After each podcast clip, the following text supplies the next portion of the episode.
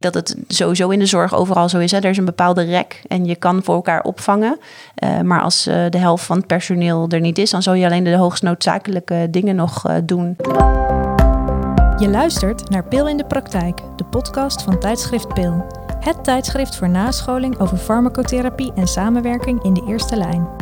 De presentatie is in handen van Daan van der Stap, huisarts te Middenbeemster, en Nancy Overmars Zonneveld, apotheker in de Rijp. Hartelijk welkom bij Pil in de Praktijk. Ik ben Daan en tegenover mij zit weer mijn collega Nancy. Hoi. Tijdens deze zesde Pil in de Praktijk gaan we het hebben over vallen en valpreventie. Daarover staat in het eerste nummer van 2020 van het tijdschrift Pil, dat onlangs is verschenen, een nascholingsartikel over de relatie tussen antidepressiva en vallen. Vallen komt, zoals de meeste luisteraars eh, zullen meemaken, vooral voor bij de oudere patiënt. En antidepressiva en andere psychofarmaca en soms zelfs andere medicatie, wat geen psychofarmaca is, die werken soms risicoverhogend voor dat vallen. En um, ik denk dat het uh, goed is uh, om het hierover te hebben vandaag, Nancy, denk je niet? Uh, zeker, ja. Met de vergrijzing in het achterhoofd is dat een belangrijk onderwerp. Ja, dat wordt nog belangrijker in de toekomst waarschijnlijk. Ja. even nog iets over je stem. Dat klinkt vandaag wel heel zwoel allemaal. ja, ik ga mijn best doen om het einde van de podcast met stem te eindigen. Ja. sorry daarvoor. Nee, daar hoef je geen sorry voor te zeggen. Uh, ik ben uh, benieuwd of we aan het einde komen zonder een... Uh, een, een hoestbui. Een, een hoestbui ja. of een fluisterende Nancy aan het einde. Ja, maar dat zien we dan wel weer. Oké, okay, nou, tijdens het tweede gedeelte van de podcast spreken we met Stephanie van Emmerik. En zij is coördinator van de werkgroep Vallen Voorkomen. En dat is een werkgroep in het gezondheidscentrum Oog en Al. Dat is een wijk in Utrecht. En zij gaat ons vertellen over hun multidisciplinaire aanpak en natuurlijk ook over de rol die de huisarts en de apotheker in zo'n werkgroep spelen. Ja. Want dat is voor ons natuurlijk uh, vooral interessant. En daarnaast wagen wij ons ook, ja, het kan eigenlijk niet anders, aan het onderwerp van dit moment, waar we allemaal dagelijks uh, te maken mee hebben, het coronavirus of de COVID-19 of uh, andere namen die we daarop op willen plakken. Um, en ja, luisteraars zullen er al mee overspoeld worden in hun, uh, in hun dagelijkse praktijk of niet. Um, maar we krijgen er in ieder geval zeker vragen over. En wij willen het eigenlijk vooral even hebben, denk ik, Nancy, over um, uh, wat het voor ons betekent. Uh, we gaan natuurlijk niet met veel nieuws komen, want we zijn geen actualiteitenpodcast. Maar we gaan ook nee. geen oplossingen bedenken hier, want er wordt al genoeg over gepraat, over oplossingen en hoe we dit kunnen handelen in ieder geval. Maar... Het gaat meer over, dus niet zozeer over de patiënt, als wel over onszelf. We ja. praten lekker over onszelf. Hoe gaan we uh, binnen ons team om hiermee? Uh, wat, uh, ja, we weten natuurlijk niet wat er gaat komen. Nee. maar hebben we nagedacht over de continuïteit? Ja. ja, en wat mogen we van elkaar als huisarts en apotheker verwachten als misschien jij of ik ziek wordt? Ja.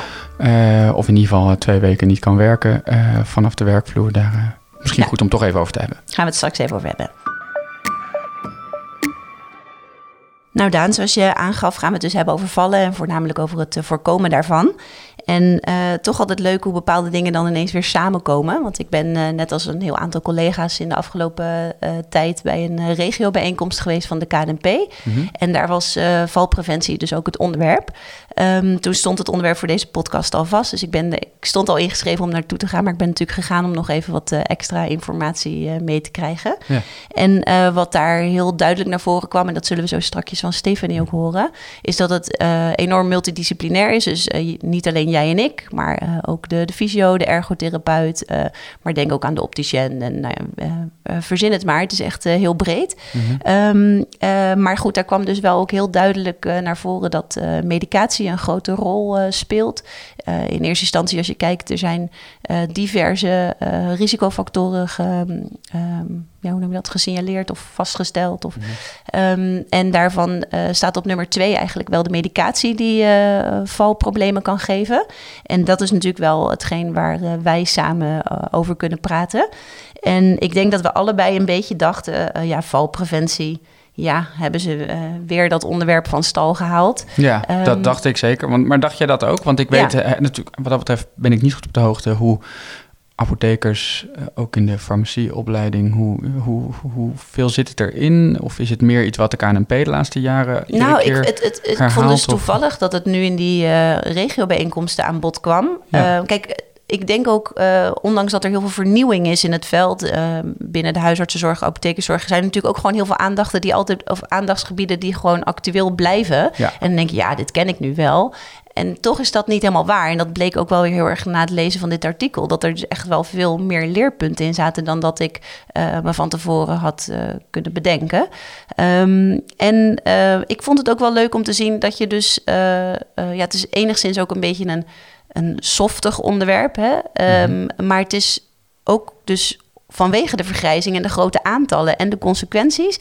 Ook we maakten dat toch wel weer een soort indruk dat ik dacht: nee, dit is toch groter. Het is niet alleen maar. Uh, ja, nee, ik, ik vond het, ik, het dus duidelijk heeft het wel urgentie. Meer dan ik me op dat moment even ja. realiseerde. Nee, ik herken me wel wat jij, uh, wat jij zegt. Ik had een beetje dezelfde gevoelens bij het zien van, uh, van het onderwerp van dit, van dit nascholingsartikel. Um, ik dacht ook, ja, weet je, de, zeker in de huisopleiding komt dat veel voorbij. Uh, maar eigenlijk ook wel nascholingen. Um, um, zelfs al in de basisopleiding eigenlijk uh, leer je er gelukkig als de dokter in opleiding al van alles over. Um, maar ik vond het ook heel vernieuwend. Ik heb echt veel nieuwe dingen gelezen op het gebied, want daar gaat het uh, nou, tijdschrift Peel natuurlijk over, maar ook dit artikel gaat dieper in, mm -hmm. met name dan op, nu op de antidepressiva en op de psychofarmaca in het algemeen ook wat. Um, ik, ik heb echt uh, veel gelezen waarvan ik denk, nou, het is niet dat ik morgen denk van, uh, dan ga ik alles in één keer veel anders doen, maar het helpt wel echt. Ja. Uh, het artikel concludeert uiteindelijk, we gaan zo even doornemen wat we onze leerpunten nou vonden, voor jou als apotheker, voor mij als huisarts, maar in de conclusie vond ik minder vernieuwend, logischerwijs, want daar stond in dat het een hele individueel iets blijft. Per patiënt moet je afwegingen maken voor, tegen. Ja. En dat is natuurlijk niet nieuw voor ons, maar wat ik heel sterk vond aan het artikel is dat dat hele lijstje van voor- en, voor- en nadelen van afwegingen om dat maatwerk te kunnen bieden voor iedere patiënt. Uh, dat proces daar naartoe met voor- en nadelen. Ik heb vooral heel veel geleerd vandaag dus over die nadelen. En dan gaan we zo misschien even samen rustig, uh, gerustig doornemen. Want het is voor de luisteraar denk ik ook wel leuk wat ons ja. nou uh, het meest opviel dan. Ja, nee, het was, het was zeker zo dat, kijk, uh, we doen uh, medicatiereviews. Dat, dat is iets, een standaard onderdeel, uh, wat onze collega's ook allemaal zullen bespreken met elkaar. Mm-hmm. En dan hou je de valpreventie in je achterhoofd. En dan denken we, nou, een benzo is niet een goed idee. een beetje de, de korte de bocht conclusies, die hebben we allemaal in ons achterhoofd. Maar hier kan je wat beter zien, het is dus niet alleen maar sedatie bijvoorbeeld. Hè? En, en de orthostatische hypotensie kan je ook nog een beetje in je achterhoofd houden, normaal gesproken. Maar de komt dus veel meer bij kijken. Um, nou ja, gastro-intestinale bijwerkingen bijvoorbeeld zijn, uh, kunnen van invloed zijn. Uh, er zijn. Dit is best wel een gestructureerd pad wat je kan volgen. Ik zie iets wat potentieel niet goed is voor de patiënt. welke mogelijkheden zijn er? En uiteraard ga je dan kijken, is het überhaupt nog geïndiceerd? is het geïndiceerd, dan is er wellicht een veiliger alternatief. -hmm. Dat zijn op zich logische vragen, maar als je dan uh, toch besluit om voor dit middel te gaan, zou je dan uh, de dosering kunnen verlagen? Of hoe groot zou het risico voor deze patiënt zijn? Um, en wat ook wel heel terecht wordt aangegeven, is dat um, de indicatie, hè, dus uh, de, de stemmingstoornis, want het mm -hmm. gaat vrij specifiek over antidepressiva in dit artikel, ja, ja. dat de stemmingstoornis zelf natuurlijk ook um, onbehandeld een, een risicofactor op vallen is. En dan kom je dus met een grote stap weer naar jouw eindconclusie. Je moet steeds per geval bekijken hoe zwaar wegen alle factoren en wat kies je dan uiteindelijk. Precies. Maar het geeft wel veel handvatten. Ja. Met per middel aangegeven welke bijwerkingen en welke relatie tot vallen heeft dat. En, ja, uh, ja, ja, absoluut. Als we dan even proberen misschien om de antidepressiva ook voor de luisteraar even uit te splitsen. Mm -hmm. um, dat zullen de luisteraars weten. Uh, maar um, wat viel jou daar nou het, als apotheker in ieder geval het meeste op als we het hebben over de SSRI's, de SNRI's, de modernere middelen als mirtazapine, trazodon. Ja. Of in ieder geval de sederende moderne middelen die steeds vaker worden gebruikt, ook als slaapmedicatie. Ja. Daar zit een trend in. En, uh, en de TCA's, dus zeg maar die uh, groepen. Het meest opvallend was voor mij toch uh, het feit dat de SSRI's dus niet zo goed uit de bus komen. Mhm. Mm -hmm. um, we hebben natuurlijk met oudere mensen vaak te maken ook met cardiale achtergrond. Dus dat je dan al snel denkt, laten we voor een SSRI kiezen. Mhm. Mm -hmm. um, en dan denk je valrisico was in mijn hoofd een beetje gelijkwaardig, TCA's, SSRI's. Ja. Uh, maar dat blijkt dus op meerdere punten een onterechte aanname te zijn. Ja, ja. nou in mijn hoofd was het eigenlijk uh, uh, zelfs niet alleen de cardiale nadelen van de TCA's bij ouderen, maar ook wel. Ook het eh, valrisico. voor me, in mijn hoofd, door hoe ik nou, ben opgeleid. Anticholinerg misschien of zo. Precies, de anticholinerge bijwerking ook. En dan denk ik toch ook weer aan trillen, eh, motorische onrust, vallen. Ja, nou maar ja, juist dat is dus bij de SSRI's eh, meer aanwezig. Ja, Dus wat dat betreft eh, verandert dit enigszins mijn beeld op de, niet zozeer op de TCA's, want daar blijven heel veel nadelen aan plakken. Dat was Mhm. in mijn hoofd, dat blijkt zo, maar soms doe je wel overwogen, toch eh, Ja. kies je daarvoor. Ja. Maar de SSRI's hadden in mijn hoofd toch een betere reputatie en dat is ietsje afge... Ja. Die reputatie is een beetje beschadigd door wat ik allemaal eh, Ja. in dit uh, Nou geven ze hier wel heel terecht aan dat eh, we waarschijnlijk met z'n allen ehm, toch meer gekozen hebben voor de SSRI's bij de kwetsbare vallende populatie. En dat dat dus wellicht die cijfers dan niet helemaal, hè, dat daar een soort bias in zit. Ja, we- precies. ja. ja. want wat even misschien dan voor de luisteraar leuk om te lezen. Ik pak de cijfers er dan heel veel bij. We hebben het dan over de old ratio. Ehm, en daar wordt dan gezegd ehm, dat de odds ratio van de placebo-groep ten opzichte van TCA-gebruikers voor vallen, eh, het risico op vallen, eh, is dan een odds ratio van 1,41. Ehm, met een, eh, nou ja, dat betekent dus eigenlijk dat er 41% meer, Meer vallers zijn vallen, bij de ja. TCA-gebruikers Mhm. dan bij de, bij de placebo-groep. En ehm, bij SSRI is dat de odds ratio is 2,02. Dus Ja. dat is gewoon in plaats van Groot 41% verschil. meer, Ja. 102% meer. Dus meer dan het dubbele. Ja. En dan zeggen ze het inderdaad wel terecht. Oké, dat is dus echt veel slechter bij de SSRI's. Maar wellicht komt dat dat de groep SSRI-gebruikers meer valt. Omdat we de echt kwetsbare ouderen die we per se voor angst of Ja. stemmingsklachten een Dat we die juist antidepressief- SSRI hebben juist- gegeven. Precies, dus dat is misschien de kwetsbaardere groep. Toch? Zo, eh, zo las ik hem. Nee, precies. Maar ja, wel opvallend. Eh, ik vind die old ratio, die, eh, eh, ook al is het bij kwetsbaardere eh, ouderen zitten veel in die groep. Ik vind het nog wel wat, 2,2, komma nog wat. Ja. Eh, En daarom kom je dus weer bij de, eh, bij de afweging van... goh, eh, eh, wat doet, eh, moet het behandeld worden? En zo ja, wat zijn de voor- en nadelen?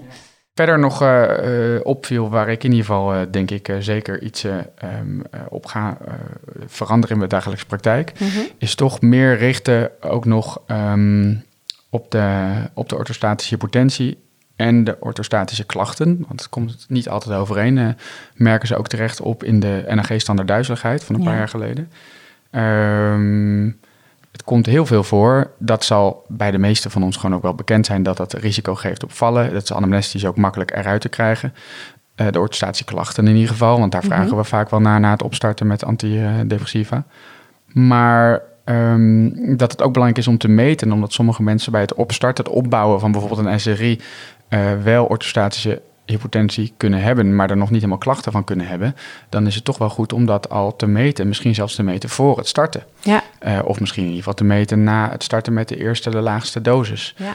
Ehm, omdat patiënten misschien anamnestisch er nog geen last van hebben, van orthostatische klachten. Maar je dus wel, als je dan wel in de spreekkamer, het is ook zo'n simpele meting, die de huisarts kan doen, die de POH kan doen, die de assistenten kan doen. Eh, het is natuurlijk... eh, Weinig ja, invasief, hè? Het is weinig gewoon- invasief. Het is een enorme winstfactor te behalen. Als ik namelijk inderdaad iemand opstart met het citalopram in de laagste dosis. En ik merk al na de, bij die laagste dosis, na een controle na vier of zes weken, ehm, ehm, dat er dan al potentie meetbaar is. Ja, dan ben ik wel heel terughoudend bij een fragiele dame van 82 om ehm, op te hogen. Om op te hogen. Ja, Terwijl ze wellicht bij jou aangeeft geen klachten te hebben. precies. En Ja. dat was mijn Ja. werkwijze tot nu toe. Als zij geen Ja. klachten aangeeft, denk ik, nou, dat Dan valt kan mee. het wel. Ja. Dan gaan we het gewoon proberen. En ik kan me na, ja, na, dit, eh, na deze nascholing voorstellen dat ik denk... Hmm, Ja. ik ga dat toch even Je gewoon hebt gewoon net meten. even iets meer in je koffertje Ja. om je beslissing op te baseren. precies. Ja. Dus dat eh, was nog wel iets waarvan ik denk van... nou, dat ga ik vanaf morgen, eh, wij spreken anders doen als ik, het, als ik het tegenkom.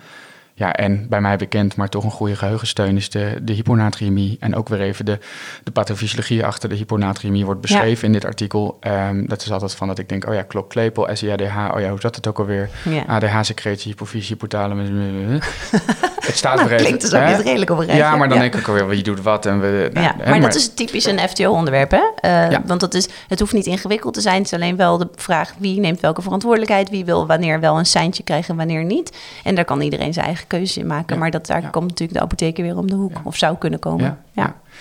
Maar goed, het is, een, eh, het is een, nogal een lijst waar we rekening mee moeten houden. Eh, maar aan de andere kant, wat jij terecht zei, er is een, eh, een, een beslisondersteuning in het artikel. Dus een, een beslisboom eigenlijk.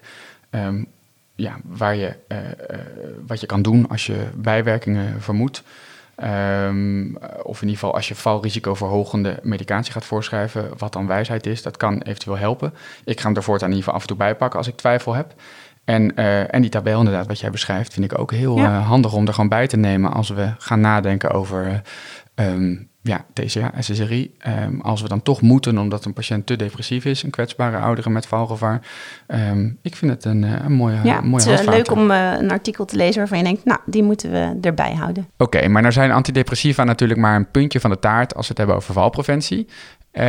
Jij zei net in het begin al terecht, het is een heel multifactorieel probleem dat vallen. Het heeft niet alleen maar met medicatie te maken. En daarom zijn er in eerste lijn ook heel veel Zorgverleners betrokken. Ja. betrokken. Ja. En daarom is het leuk dat we straks met Stefanie van Emmerik eh, gaan praten. En zij heeft dus de contacten van al die zorgverleners bij elkaar gebracht. En die kan ons daar uitgebreid eh, veel meer over vertellen. Dus daar kijk ik naar uit. Maar nu eerst even dit. De realiteit is dat het coronavirus onder ons is en voorlopig ook onder ons zal blijven. Er is geen eenvoudige of snelle uitweg uit deze zeer moeilijke situatie.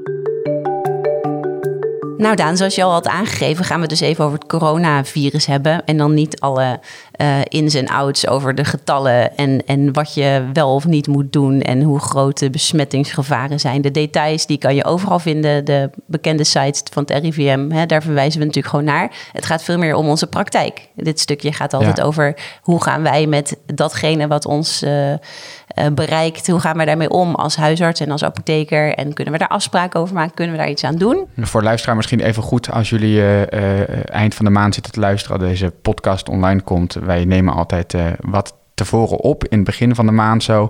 Dus het kan zijn dat jullie ons horen praten en jullie weten dat wij in een regio werken tussen Purmerend en Alkmaar. Jullie denken, let eens op jongens, daar is het virus al lang. Al lang geweest. Eh, op het moment van de opname in ieder geval nog niet. Ehm, daardoor ook mede heb ik de afgelopen weken ehm, misschien wat mensen in de spreekkamer gehad die er vragen over hadden. Omdat het natuurlijk wel heel breed in het nieuws is. Mhm. Ehm, Maar vooralsnog dus best beperkt. mensen, ja, maar ik vind mensen, eh, misschien is dat ook een beetje de Noord-Hollandse inslag. Of misschien is dat wel in heel het land. Misschien dat ik dan heel stigmatiserend ben door te denken dat mensen in andere delen van het land wel eh, in paniek raken. Maar ik vind mensen tot nu toe in ieder geval in de praktijk bij ons heel ehm, patiënten en medewerkers. Ehm, Pragmatisch. ja, pragmatisch en nuchter. En ons zelfs heb ik het idee af en toe, patiënten in ieder geval, een beetje ons ontzien. Oké. Ehm, ik had het er ook met praktijkhouders over van de hele regio Noord-Holland afgelopen week een beetje. Ik sprak met iemand uit, eh, uit eh, Alkmaar en met iemand uit Zaandam. En die zeiden ook, ja, het was eigenlijk verbazingwekkend rustig afgelopen werkweek. Als in het was gewoon takkendruk zoals altijd in de huispraktijk. Maar dan net niet, maar nog niet erger. in de crisissetting van wat we eigenlijk wel verwacht hadden vorig Ja. weekend. Ehm, dus ja, wat dat betreft, ehm, eh, nu loopt het. Ja. Maar gaat het stilte voor de storm zijn? Of wat, dat vraag ik me ook af. Geen ja. idee. Ja. ja. Maar goed, dan hebben we dus de patiënten die eh, wellicht eh, ziek eh, zijn, waar we iets mee moeten. Maar het gaat veel meer om, ja, wat als het ons, ons team ook bereikt. Hè? Wij moeten natuurlijk en zelf gezond blijven, maar ook de zorg kunnen blijven verlenen voor de mensen die dat nodig hebben. Ja. Ja, wat kunnen we daaraan doen? Of hoe, ehm, hoe ga, ja, heb je bijvoorbeeld überhaupt, hè, als je ziek bent, dat is eigenlijk best wel grappig. Ik heb geen idee. De dokter is ziek, je kan een paar mensen afbellen, maar je houdt altijd, er moet iemand zijn. Ja. Heb je, kan je op het laatste moment, soms kan je natuurlijk als je met z'n tweeën zit die dag, kan één iemand het opvangen. ja, Of kan je een soort last minute dokter bellen? Eh, je kan het altijd proberen. ehm, maar het, het verschilt een beetje. Van oudsher is de Nederlandse huisartsenzorg, was de Nederlandse huisartsenzorg zo georganiseerd dat er mensen in een, dat is trouwens nog steeds op veel plekken bij ons ook, in een hagro zitten.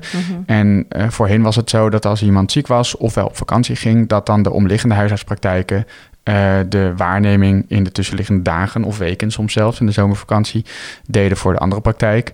Eh, er zijn nog steeds regio's eh, waar dat uitgebreid gebeurt. Ehm, ehm, landelijk, niet alleen in, in afgelegen gebied waar huisartstekorten zijn. Ehm, want je hebt natuurlijk de waarnemend huisarts. Die kan je op zich altijd bellen. Als je iemand kent, bel je iemand op die je persoonlijk kent via via. Maar Ja. je hebt ook waarneembureaus die daarin bemiddelen. Maar er maar zo veel- morgens vroeg iemand nog zien te bereiken is, dat is lastig, kan. denk Nou, ik. Ja, maar het kan wel. Kijk, als jij Ja. een paar nummers hebt liggen van waarnemers... en sommige heb je een, een appgroep met een groep waarnemers... en je Ja. hebt gewoon, kan iemand toevallig vandaag nog werken. Soms komt het zomaar voor dat iemand zegt... ook kom je leven van 1 tot 5 uit de brand helpen... want dan eh, zijn de kinderen toch bij open oma. Of weet je, Ja, het komt voor ehm, eh, dat het nog lukt. Maar het is met het landelijk steeds groter wordend tekort aan huisartsen... wordt het steeds lastiger. Eh, dus vallen sommige regio's ook weer een beetje meer terug op ehm, wat, het wat ouderwetsere systeem, dat praktijken, praktijkhouders, ja, of het vaste personeel, of daar nou vaste waarnemers zitten of hitha's, uh, dus huisartsen die gewoon in loondienst zijn, um, dat, dat, dat, komt nu terug. En wij hebben van de week een, uh, met onze Hagro, waar we sinds een paar jaar door de drukte in de huispraktijk niet meer die zomerwaarnemingen voor elkaar doen. Dat was tot een paar jaar geleden gewoon heel normaal, ook in onze regio. Um, maar met onze Hagro hebben we besloten dat, uh, ja, dat we dat niet meer doen een paar jaar geleden, omdat het eigenlijk gewoon niet leuk meer was. Het was gewoon nee. te druk. Dus nu uh, huren de praktijkhouders in de zomer uh, in onze Hagro in ieder geval allemaal waarnemers, huisartsen in. Maar, maar ja, goed, als we straks voor de zieken deur. zijn, precies. Ja. Dus we hebben toevallig afgelopen week een, uh, met alle huisartsen van Hagro samengezeten in een extra overleg.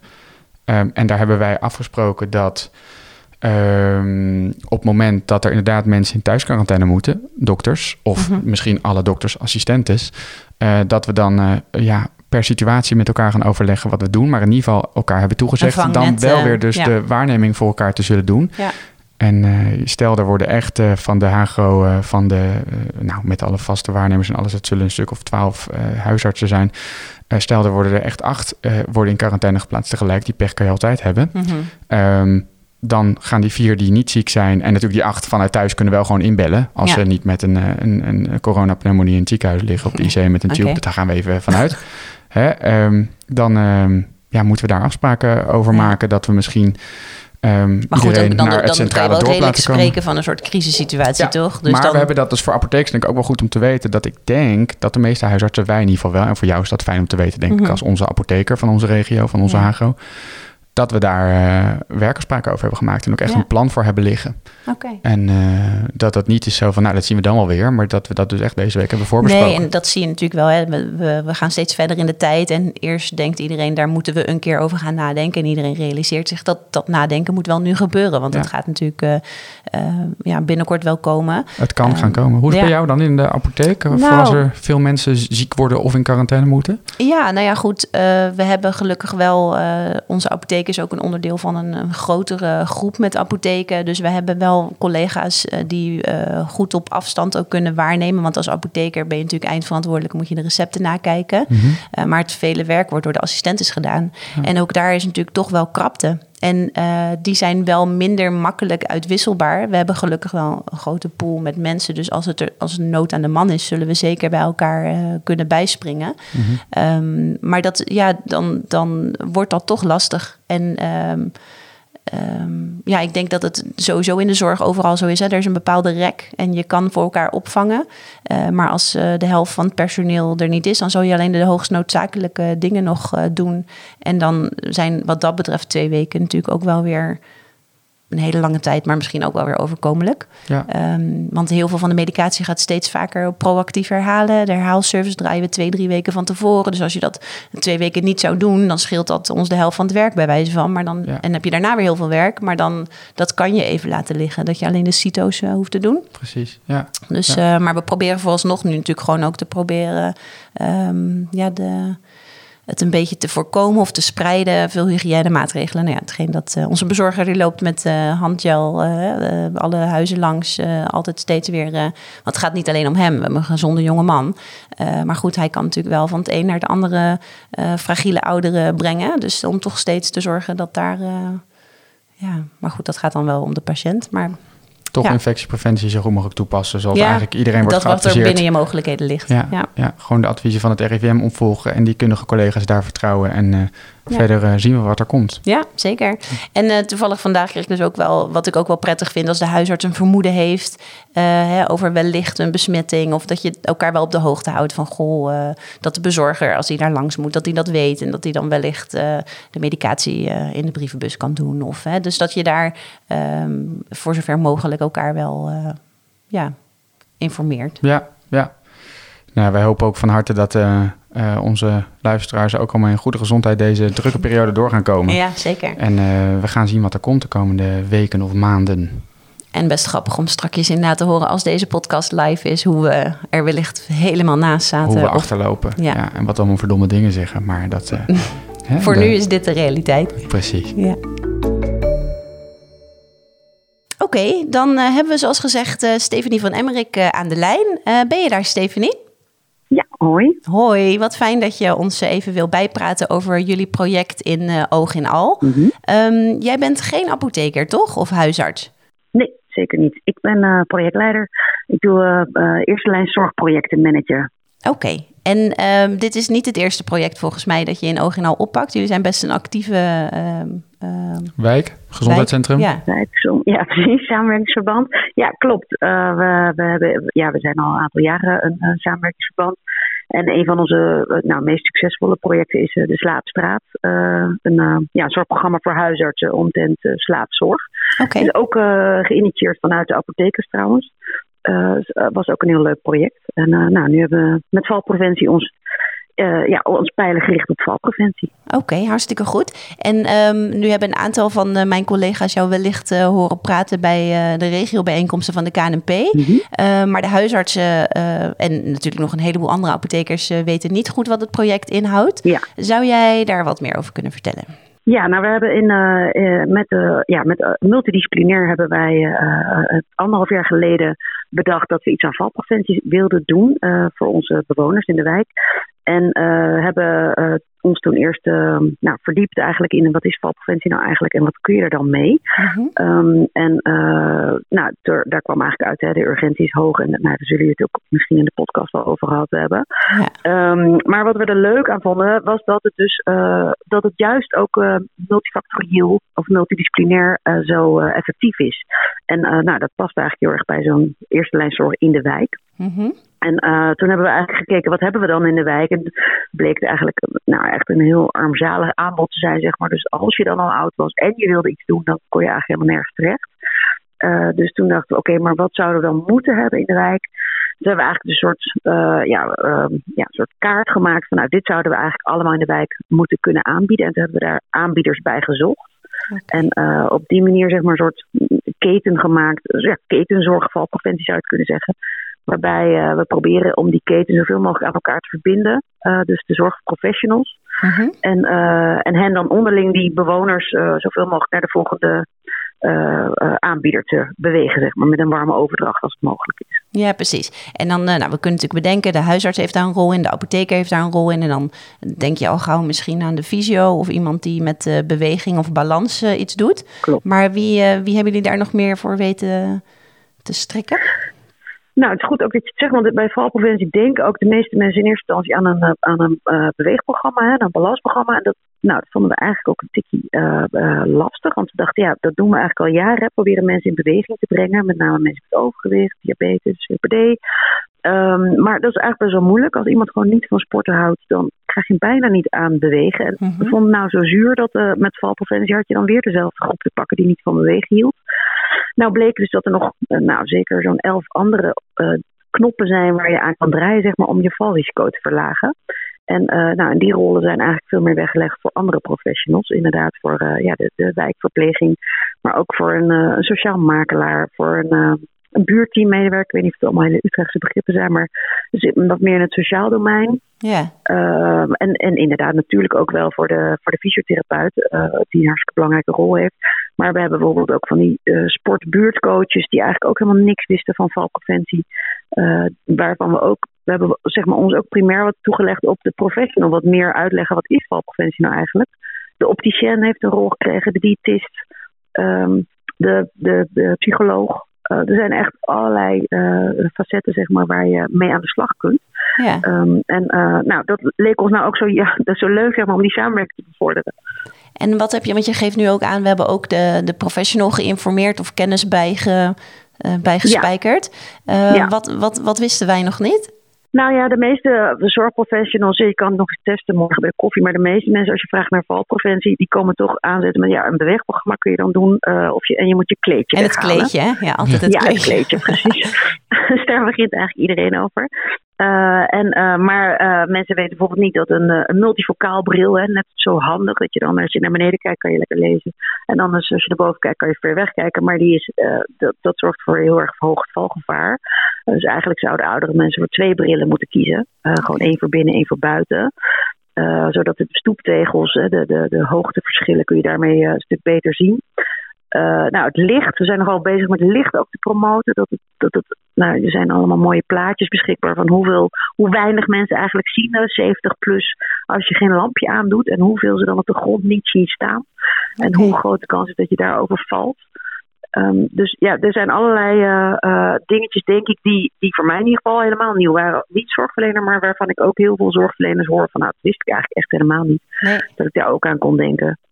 Uh, ondervoeding is ook zo'n thema. dat de meeste mensen vallen bij dat ze snel de deur open willen doen en de telefoon willen oppakken. dat is eigenlijk de grootste valoorzaak. dat ze het snel willen doen. Urine, incontinentie is een heel grote oorzaak van, van vallen. Ja. Um, nou ja, allemaal dingetjes waarvan eigenlijk hele andere beroepsgroepen ineens denken: oh, maar daar heb ik wel een rol in of daar kan ik wel iets mee. Ja, ja.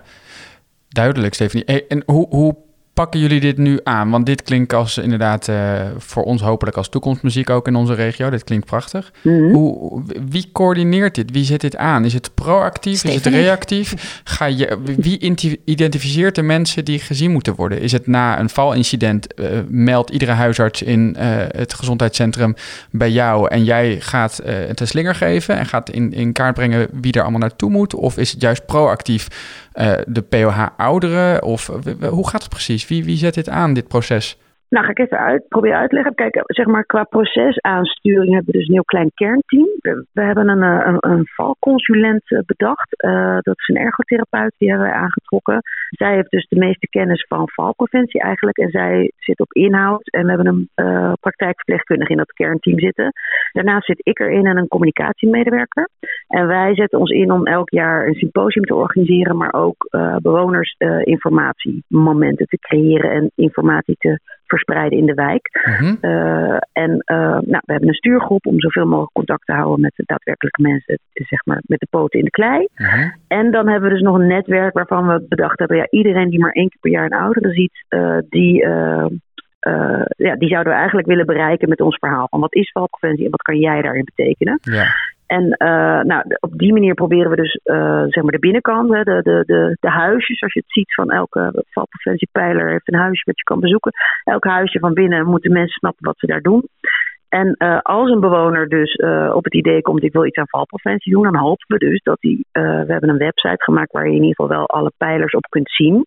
Maar we hopen dat iemand ook eigenlijk bij de apotheek binnenkomt en als je daar iets laat vallen over, nou letterlijk, uh, over, uh, ik maak me zorgen over vallen of ik ben gevallen of uh, dat iemand dan, dat het aangaat, zeg maar, dat die nog wat uitleg kan geven um, en dat er wat materiaal beschikbaar is om die persoon naar te verwijzen. We willen eigenlijk liever niet elke oudere als een risico uh, persoon zien die we allemaal gaan screenen en in de gaten willen houden, omdat het gewoon onwerkbaar is voor onze praktijkverpleegkundigen. Ja. Dus voor een deel zien we het wel ook als preventie. Hè? Iemand wil stoppen met roken en is dan wel zelf verantwoordelijk om te gaan zoeken naar uh, begeleiding bij de stop met roken als je dat nodig hebt. Ja. Um, en een oudere wil zelf dat zijn valrisico verlaagd wordt. Dus die kan zelf gaan zoeken naar van wat kan ik dan doen. En wij willen alleen zorgen dat er in de wijk het aanbod ook daadwerkelijk aanwezig is. Precies. Ja, dus dat iedere zorgverlener het bovenin zijn hoofd heeft zitten. Hè? Dus dat als je iets Precies. ziet, iets, iets herkent, dat je dan het inderdaad een beetje uh, kan. Nou ja, dat, dat je weet wat er in de aanbieding is. En dat je dat dan Precies. dus ook. Uh, want Waar wat ik, niet, naar wie kan je verwijzen? En ja. Uh, ja. En als iemand gevallen is, we hebben wel onze POH, somatiek neemt dan die valanalyse af. Dat is een best een lange lijst bij iemand thuis uh, van drie kwartier. En daar uh, maken we wel metingen en dan is de uh, heeft de, de verpleegkundige ook wel een, een regierol. He, dus dan gaat ze wel kijken, van komt die oudere wel echt ergens aan? Uh, maar dan zijn er eigenlijk al zorgen of is al iemand gevallen. Ja, en dat is eigenlijk denk ik het traject wat veel huisartsen al wel kennen of, of op een bepaalde manier hebben vormgegeven. Maar jullie houden het eigenlijk een stukje eerder. Dus hè, om, of maken het Dat proberen we inderdaad. Ja, ja. ja, om het iets meer in de preventieve hoek. Ja, en jullie bedenk ik voor mij als huisarts wel echt zo. Ik zou bijna denken, dit wil ik morgen ook uh, als huisarts naast mij hebben zitten of in, uh, in, in, de wijk naast me of bij me in het gezondheidscentrum. Ja. Um, ik ben inderdaad vaak wel aan het zoeken nu naar. Ik heb iemand die is gevallen. Waar verwijs Ja. ik die nu meestal naar? En dan heb jij weer helemaal gelijk, Stephanie. Die verwijs ik nu meestal naar. Bij ons is dat dan de uh, geriatrie fysiotherapeut in Purmerend. Want die biedt ook Mhm. aan dat ze multidisciplinair werkt en andere disciplines erbij vraagt. Dus die hebben ook al Mhm. zoiets, maar minder voor, voor mij minder uitgebreid. Minder dichtbij ook, lijkt het. Ja, hè? Echt ja. bij de mensen om de hoek. Dus dit klinkt ideaal. Ja. ja. Ja, het is wel ook nog zoeken. Hè. En eh, laten we eerlijk zijn, dit is natuurlijk ook echt iets waarvan ik denk dat we met de hele maatschappij over na moeten denken.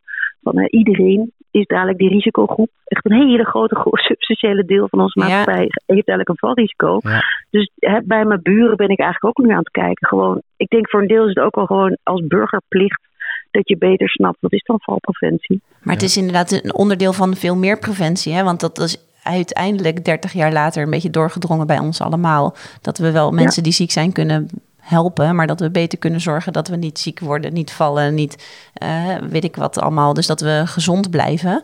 Dat daar Ja. gaat, je ziet natuurlijk dat de focus daar wel naartoe gaat. Dus dan wordt dit alleen maar onderdeel van een nog groter verhaal waarin we met z'n allen ja, om elkaar heen of op elkaar passen. En, en, en Ja. ja. Nou, dat denk ik ook. En ik denk ook dat de eerste lijn zorg kan dit probleem niet volledig oplossen. Hè. Dat, dat zal echt voor een deel ook bij de mensen zelf moeten zijn. En Het is heel de- erg nulde lijns lijn- eigenlijk, ja. Ja, echt, eh, ja, overal moet eigenlijk hier gekeken worden. En, en ja, bijna, de eerste lijn zou bijna de laatste punt al zijn. Dan is iemand al gevallen, zou je bijna denken. Ja. Eh, bij een huisarts althans. Kijk, een apotheker die kan natuurlijk wat meer in de, nog iets preventiever misschien aan aan de slag. Ja. Eh, maar een huisarts komt vaak pas aan bod als iemand al gevallen is. En daar ook nog verwondingen van heeft. Ja, ja. Ja, ja, of als soms toch wel kinderen van oudere mensen aan de bel trekken die zeggen: Ik zie mijn moeder de laatste tijd heel vaak bijna vallen. Dat komt nog best regelmatig voor. Eh, Ja. En dan gaan wij toch ook, springen we er vroeger op in. En dan is een team als, eh ehm, als ik ken het Purmerend, maar helemaal bij jullie klinkt dat eh, heel, heel prettig eh, voor patiënt Ja. en, en voor zorgverlener. Ja. Eh, wat ik Ja. me wel afvraag, Stephanie, hoe zit dit met ehm, tijd Geld. en geld? Tijd en geld. Ja, nou op zich, eh, kijk, wij hebben natuurlijk ook heel erg geïnvesteerd nu in een soort ontwikkeling van een model. Het idee is natuurlijk dat we gaan proberen dat model zo te vangen dat we het dadelijk makkelijker kunnen opschalen of uit, weggeven, zeg maar, zodat andere mensen dat, die ontwikkeling niet meer hoeven door te maken. Eh, dus in die zin zijn de ontwikkelkosten eigenlijk eenmalig. Eh, maar eh, ja, er zit natuurlijk gewoon heel veel tijd in netwerken, want dat is het eigenlijk. Eh, met elkaar in contact blijven, scholingen volgen, met, met mensen communiceren. En ja, daar zitten toch een beetje, ja, ik weet niet of jullie ook in een ONI-regio zitten of iets dergelijks, maar dat zijn toch wat meer regiotaken waarschijnlijk die dadelijk wel opgepakt kunnen worden met geld van de zorgverzekeraar. Ja. Maar goed, dat is wat je. Ik kan me herinneren dat jij inderdaad zei: heel veel kopjes koffie drinken. Hè, dus Ja. je moet gewoon vooral zorg, zichtbaar worden voor alles Ja. en iedereen. Voor de mensen eh, om wie het gaat en de mensen die je wil eh, bereiken, de vallers. Eh, maar dus Ja. inderdaad ook alle aanbieders. Eh, Precies. Ja, En ja, dus het moet een beetje een soort onderdeel van het werken worden. Ik denk dat het qua tijd dan wellicht nog wel meevalt. Eh, maar als je, zoals je zegt, zo'n kernteam, ja, die, die eten ook eh, graag.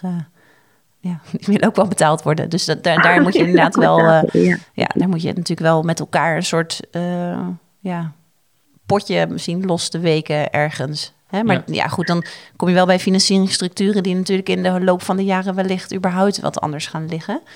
Ehm, Ja.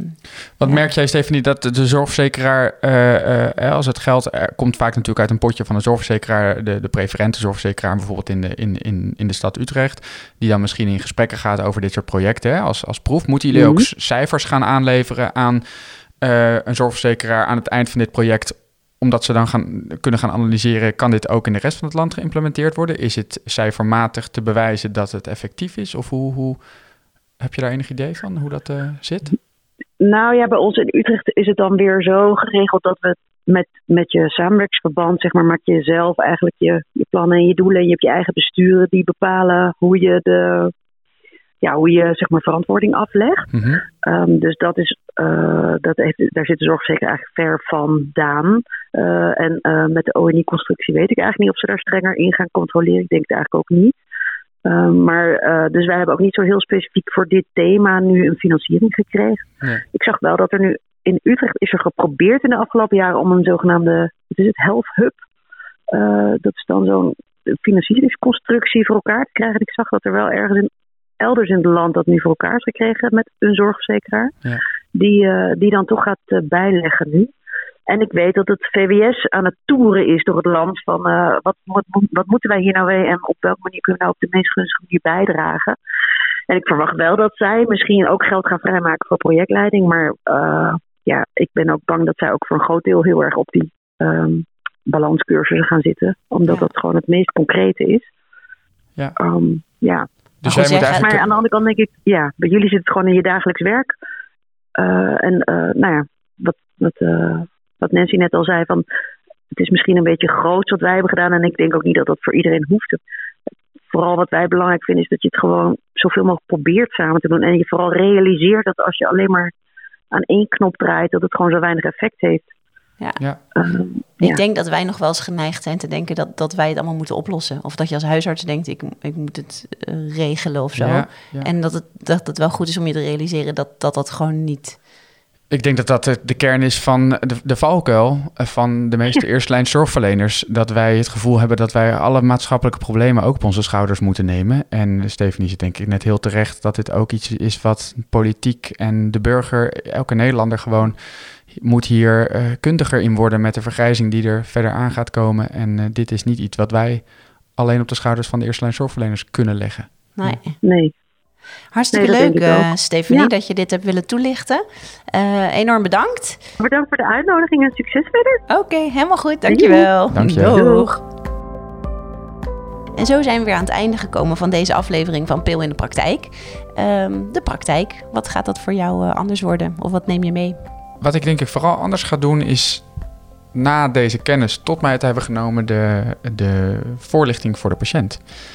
Ehm, ik merkte tot nu toe dat ik toch bij het overtuigen van patiënten voor liever geen slaapmedicatie, liever geen antidepressiva of liever geen angstremmers in medicamenteuze vorm, eh, dat ik het toch vaak dan hield bij je kan er meer door vallen en je, omdat je er suf van kan worden, dat het heel algemeen Abstract. was, abstract was, ook in mijn eigen hoofd dus wel. En dat ik nu iets heb van, oké, ik kan concreter als patiënten merken dat dat niet genoeg ze overtuigt. Als ik voor mijn gevoel denk, dit is niet de beste optie, heb ik het gevoel dat ik nu veel meer achtergrond in mijn hoofd heb zitten, dat eh, het vallen toeneemt en dat ik in lekentaal uitleg door wat voor dingen dat allemaal kan komen, behalve sufheid ook door...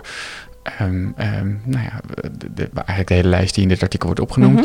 En dat ik dan ook kan noemen dat als je dan helemaal valt, dat door de SSRI's bijvoorbeeld je ook meer kans hebt op een fractuur, meer kans hebt op bloedingen, dat dat ook direct het gevolg is van die medicatie weer. Dus ik heb gewoon meer bewapening voor mijn gevoel om de patiënt toch, als die er behoefte aan heeft, eh, te overtuigen dat we toch wel heel kritisch moeten nadenken Ja. of antidepressiva op oudere leeftijd nou wel eh, de beste optie is. En of we niet toch meer moeten inzetten op de niet-medicamenteuze behandelopties. Want voor mij is het uiteindelijk wel makkelijk om gewoon maar een receptje te maken. Maar Ja, precies. ik voel me beter bewapend met, eh, Super concreet. met, ja, met Ja, uitleg in de spreekkamer. Ja.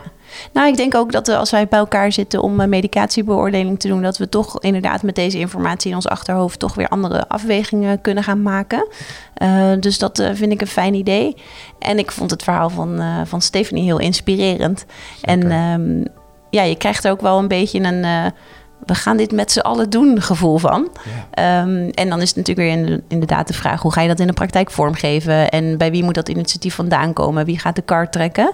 Ehm, maar het is echt wel urgent. En, en ik hoop inderdaad dat we... dat zal echt wel tijd nodig hebben... maar dat wat je zegt, dat de overheid hier ook eh, eh, een, een rol ziet... eh, nou ja, dat, of dat er geld voor vrijgemaakt wordt... dat daar... ehm, ehm, dat het bovenaan de prioriteitenlijst komt om veel meer aan preventie te doen. En valpreventie, maar natuurlijk preventie in het algemeen. Eh, om, als we met z'n allen op deze aardbol eh, groot, gro- eh, met z'n meer mensen en oudere mensen willen leven, dan zal dat wel moeten. Absoluut. En dan zijn dit wel echt leuke, eh, sprekende voorbeelden van hoe dat zou kunnen. Ja, hopen dat hoog, hoog op de agenda komt van ons en ook van eh, de politiek en de maatschappij met de Ja. vergrijzing in aantocht. Ben ik met je eens.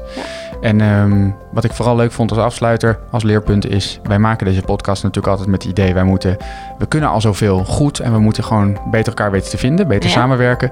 En eh, de, de, de uitspraak die jij ook deed naar Stephanie van het is veel kopjes koffie drinken. Ik denk dat wij gewoon veel kopjes koffie moeten blijven drinken. Belangrijk Ja. en lekker. Oké, we hopen weer dat jullie eh, geboeid hebben geluisterd naar deze podcast en dat jullie er morgen in de praktijk mee de voeten kunnen. Wil je reageren op deze aflevering, dan kan dat via podcast.pil-nascholing.nl. En wil je meer informatie over tijdschrift Pil en het behalen van de nascholingspunten met het blad, dan kun je terecht op www.pil-nascholing.nl. Dank voor het luisteren en heel graag weer eh, tot een volgende keer. Tot de volgende keer.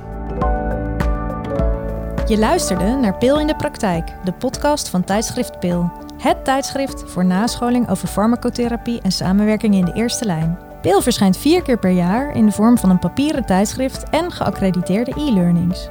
Ga voor meer informatie en abonnementen naar www.pil-nascholing.nl.